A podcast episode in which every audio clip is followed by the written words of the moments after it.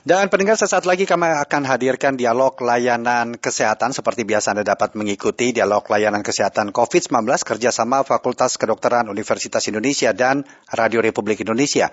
Adapun tema yang akan kami bahas di pagi hari ini adalah mengenai kesehatan mata yaitu sumbatan saluran air mata, kenali gejala dan pengobatannya. Dialog Layanan Kesehatan kerjasama Pro 3 RRI dengan Fakultas Kedokteran Universitas Indonesia. Apa yang dimaksud dengan sumbatan saluran air mata dan bagaimana kita dapat mengenali gejala tersebut serta penanganannya ke depan? Kami akan membahasnya bersama dengan Dr. Yunita Irawati SPMK dari Departemen Kesehatan Mata. Dan kami juga undang Anda nanti untuk dapat berinteraksi dengan narasumber kami di 021 352 3172, kemudian 021 384 4545, serta 021 386 6712. Segera kita mulai dialog layanan kesehatan COVID-19 pada pagi hari ini. Dokter Yunia, selamat pagi dok. Selamat pagi Pak. Ya. Apa kabar dok pagi hari ini? Sehat, Alhamdulillah. Mhm. Mudah-mudahan semua kita selalu sehat ya. Amin, amin. Alhamdulillah kita dalam kondisi sehat juga dok. Temanya amin. adalah sumbatan saluran air di uh, saluran air mata dan mengenali gejala serta pengobatannya. Yang dimaksud dengan sumbatan saluran air mata ini apa dokter Yuria ya? Uh, baik, terima kasih. Uh, bahwa kita mempunyai air mata semua mungkin sudah uh, mengenal ya bahwa manusia kita mempunyai air mata yang kita produksi ya artinya ada kelenjar air mata yang diproduksi. Jadi kita sebut saluran uh, sekresi ya. Jadi dia memproduksi air mata. Tentu air mata tadi ada saluran keluarnya atau saluran ekskresinya. Jadi air mata itu di permukaan mata kita dia diproduksi, dia membasahi permukaan mata kita, kemudian dia keluar lewat salurannya yang ada di uh, pinggir uh, kelopak mata kita bagian atas dan bawah itu saluran ekskresi. Jadi apabila terjadi sumbatan di jalur ekskresi saluran air mata kita, tentu air mata kita akan menggenang di permukaan mata sehingga pasien biasanya mengeluh dengan mata berair atau yeah. Ya. uh, air mata ya yang uh, banyak di permukaannya. Itulah salah satu keluhan dari uh, pasien tersebut begitu. Uh, pada sumbatan saluran air mata kita tahu kalau uh, ada saluran uh, air mata tadi uh, air mata tidak bisa terekskresi keluar mm-hmm. dari salurannya, tentu yeah. dia akan menggenang ya Pak ya. Hmm. Mm-hmm. Dan dengan begitu tidak hanya matanya berair, kadangkala dia terinfeksi sehingga banyak kotoran matanya. Jadi gejala mm-hmm. yang sering timbul selain mata berair disertai dengan kotoran uh, mata juga atau orang uh, awam bisa bisa bisa menyebutnya belekan ya Pak ya, mm-hmm. maksudnya kotoran mm-hmm. matanya cukup banyak. Dan uh, sering kali kalau sudah uh, terlalu lama, nah di di daerah uh, antara sudut uh, mata bagian dalam dengan hidung, nah yeah. itu di antaranya itu sering kali ada pembengkakan dan oh, apabila okay. kita tekan yeah. uh, pembengkakan itu kalau ditekan itu bisa keluar kotoran air matanya atau kotoran uh, sekretnya tadi uh -huh. ke bola mata makin banyak. Jadi kita bisa melihat gejalanya seperti tadi biasanya ada pembengkakan, uh -huh. kemerahan di sekitar uh -huh. sudut hidung dan uh, mata kita dan kemudian tadi mata berair awalnya dengan adanya kotoran mata pula. Iya, umum, iya, umumnya disebabkan oleh apa nih dok ya? Uh, begini, saluran air mata kita itu tentu sempit ya. Uh, kita nggak bisa bayangkan seperti saluran di rumah kita yang juga ada yang besar dan sebagainya. Salurannya sangat kecil sekali. Memang kalau kita lihat di sudut mata itu lubangnya saja mungkin cuma 0,2 mm ya. Jadi dengan yang uh, kecil tadi tentu memungkinkan uh, infeksi dapat mudah terjadi ya. Uh, biasanya uh, pada orang-orang yang dengan tentu higienis uh, yang kurang ya, yeah, terus ya. kemudian yeah. mungkin karena saluran air mata itu berbatasan juga dengan rongga hidung, tentu kan uh, ekskresi tadi dia melalui hidung dikeluarkannya ya dari yeah. lubang air mata masuknya ke daerah hidung.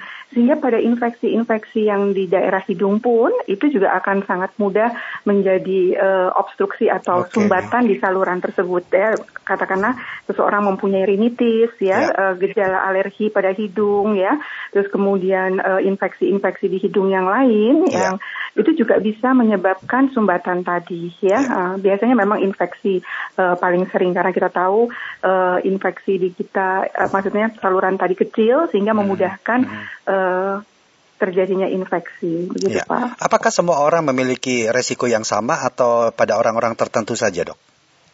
Tidak, uh, tentunya tidak. Uh, buat orang-orang tadi yang mempunyai faktor predisposisi misalnya penyakit-penyakit uh, mungkin di mata yang mengalami sering infeksi ya sering mata merah ya terus kemudian juga pada orang-orang yang uh, tadi uh, mempunyai infeksi ataupun uh, riwayat kelainan pada rongga hidungnya itu ada memungkinkan terjadinya infeksi atau pada orang-orang yang pernah trauma misalnya terbentur ya dan sebagainya atau fraktur ya daerah patahan di sekitar rongga hidung dan matanya itu yang bagian dalam tentu memungkinkan dia mempunyai predisposisi untuk terjadinya sumbatan lebih mudah gitu ya. Yeah. Dan pada umumnya wanita uh, secara umum karena tadi salurannya lebih pendek yeah. ya sehingga memungkinkan uh, terjadinya infeksi lebih uh, banyak ya, lebih banyak hmm. ya. Biasanya pada wanita-wanita di atas usia 40 tahun itu yeah. cukup banyak uh, didapatkan adanya sumbatan tadi. Hmm. Kalau untuk anak-anak apakah juga uh, memiliki tingkat risiko yang cukup tinggi, Dok?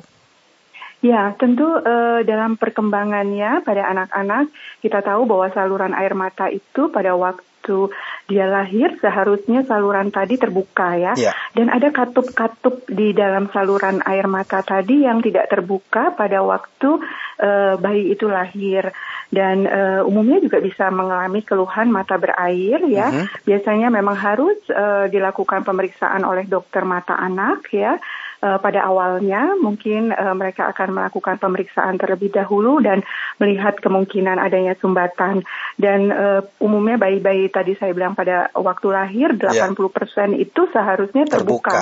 Hmm. Uh, tapi ada 20% kasus bayi-bayi tersebut yang tidak terbuka hmm. uh, saluran sum, uh, apa namanya air, air matanya, matanya tadi. Yeah. Nah, uh, sering kali itu menyebabkan juga sumbatan. Nah, dari 20% tadi biasanya dengan terapi konservatif artinya diajar dari massage ya pada oleh dokter-dokter mata atau dokter mata anak khususnya uh-huh. mereka diajarkan nanti caranya itu bisa membuka saluran sumbatannya. Yang tersumbat Namun, yang kecil ya, ya dok ya. Betul, hmm. betul. Tetapi ada sebagian kecil kasus yang yeah? tidak bisa dengan konservatif sehingga memerlukan surgery ya operasi okay. untuk memperbaiki uh, sumbatan yang tadi ya yeah. pada anak-anak. Begitu juga pada dewasa. Baik. Apabila tidak di, bisa diobati, tentu diperlukan uh, tindakan untuk kita buat salurannya karena saluran tadi kecil sekali sehingga yeah. kalau tersumbat uh, dengan obat-obatan tidak memungkinkan, tentu kita akan memerlukan surgery. Ya, baik. Uh, dokter kita undang pendengar dok ya untuk dapat berinteraksi di pagi hari ini di 021 352 3172, 021 384 4545, serta 021 386 6712. Juga dapat melalui WhatsApp kami di 081 399 399 888. Silakan bagi Anda yang akan berinteraksi dalam dialog layanan kesehatan di pagi hari ini. Sambil menunggu pendengar, Dokter Yunia, gejala-gejala umum apa dok yang bisa memudahkan kita untuk mengetahui bahwa ini ada adalah uh, terjadi sumbatan saluran air mata, dok? Ya, seperti tadi saya sudah menceritakan bahwa pasien-pasien uh, karena ada sumbatan tentu pasien mengeluh matanya berair ya Pak ya biasanya sering kali berair. Nah kalau kita menemukan pasien itu matanya berair kita harus membedakan memang apakah ini ada di saluran sekresinya mata berairnya akibat uh, sekresinya yang terganggu atau di saluran ekskresi atau saluran keluarnya tadi mm -hmm. ya mm -hmm. uh, uh, itu biasanya dokter uh, mata akan membedakannya dan memperlihat uh, lihat dengan gejala klinisnya tadi yeah. selain itu uh, dilakukan tentu pemeriksaan penunjang untuk memastikan kira-kira betul uh, di saluran sumbatan atau di saluran air matanya yang tersumbat uh, atau yeah. di saluran sekresinya. Baik. Tentu ada tes yang mesti dilakukan oleh uh, dokter tersebut ya. Mm Baik. Dan uh, ada uh, setelah itu kalau memang diperlukan baru kita lakukan pemeriksaan penunjang ya dokter hmm. bisa melakukan pemeriksaan radiologi ya seperti dacryosistografi atau dacryoscintigraphy bahkan perlu dilakukan mungkin CT dacryosistografi untuk menilai di mana letak sumbatannya gitu ya tapi uh, tentu dari keluhan mata berair tadi seorang dokter mata akan bisa menentukan kira-kira ini di saluran ya. uh, sekresi atau ekskresi ya. ya dengan mata berair, kotoran mata ya dengan pembengkakan di sekitar pangkal uh, mata dan hidung ya di perbatasan antara mata dan hidung itu biasanya mm -hmm. saluran itu ada di bawah situ uh, karena dia akan masuk ke dalam rongga hidung kita. Nah, biasanya suka ada pembengkakan atau riwayat uh, pembengkakan di daerah ya, hidung. Jadi kalau kita sudah merasa ada gejala itu, baiknya periksakan ke dokter. Uh, mungkin saja ada penanganan yang bisa secara konvensional ataupun memang harus memerlukan tindakan lebih atau bahkan surgery. Begitu Dokter Yunia ya? Iya, ya. betul Pak. Baik, dokter di akhir mungkin ada yang bisa disampaikan untuk pendengar kita terkait dengan topik ini dok. Uh, baik, terima kasih Pak. Ya, uh, tentu uh, kembali lagi dengan mata berair akibat uh, sumbatan saluran mata bisa terjadi pada uh, orang dewasa, anak-anak, bahkan bayi baru lahir ya.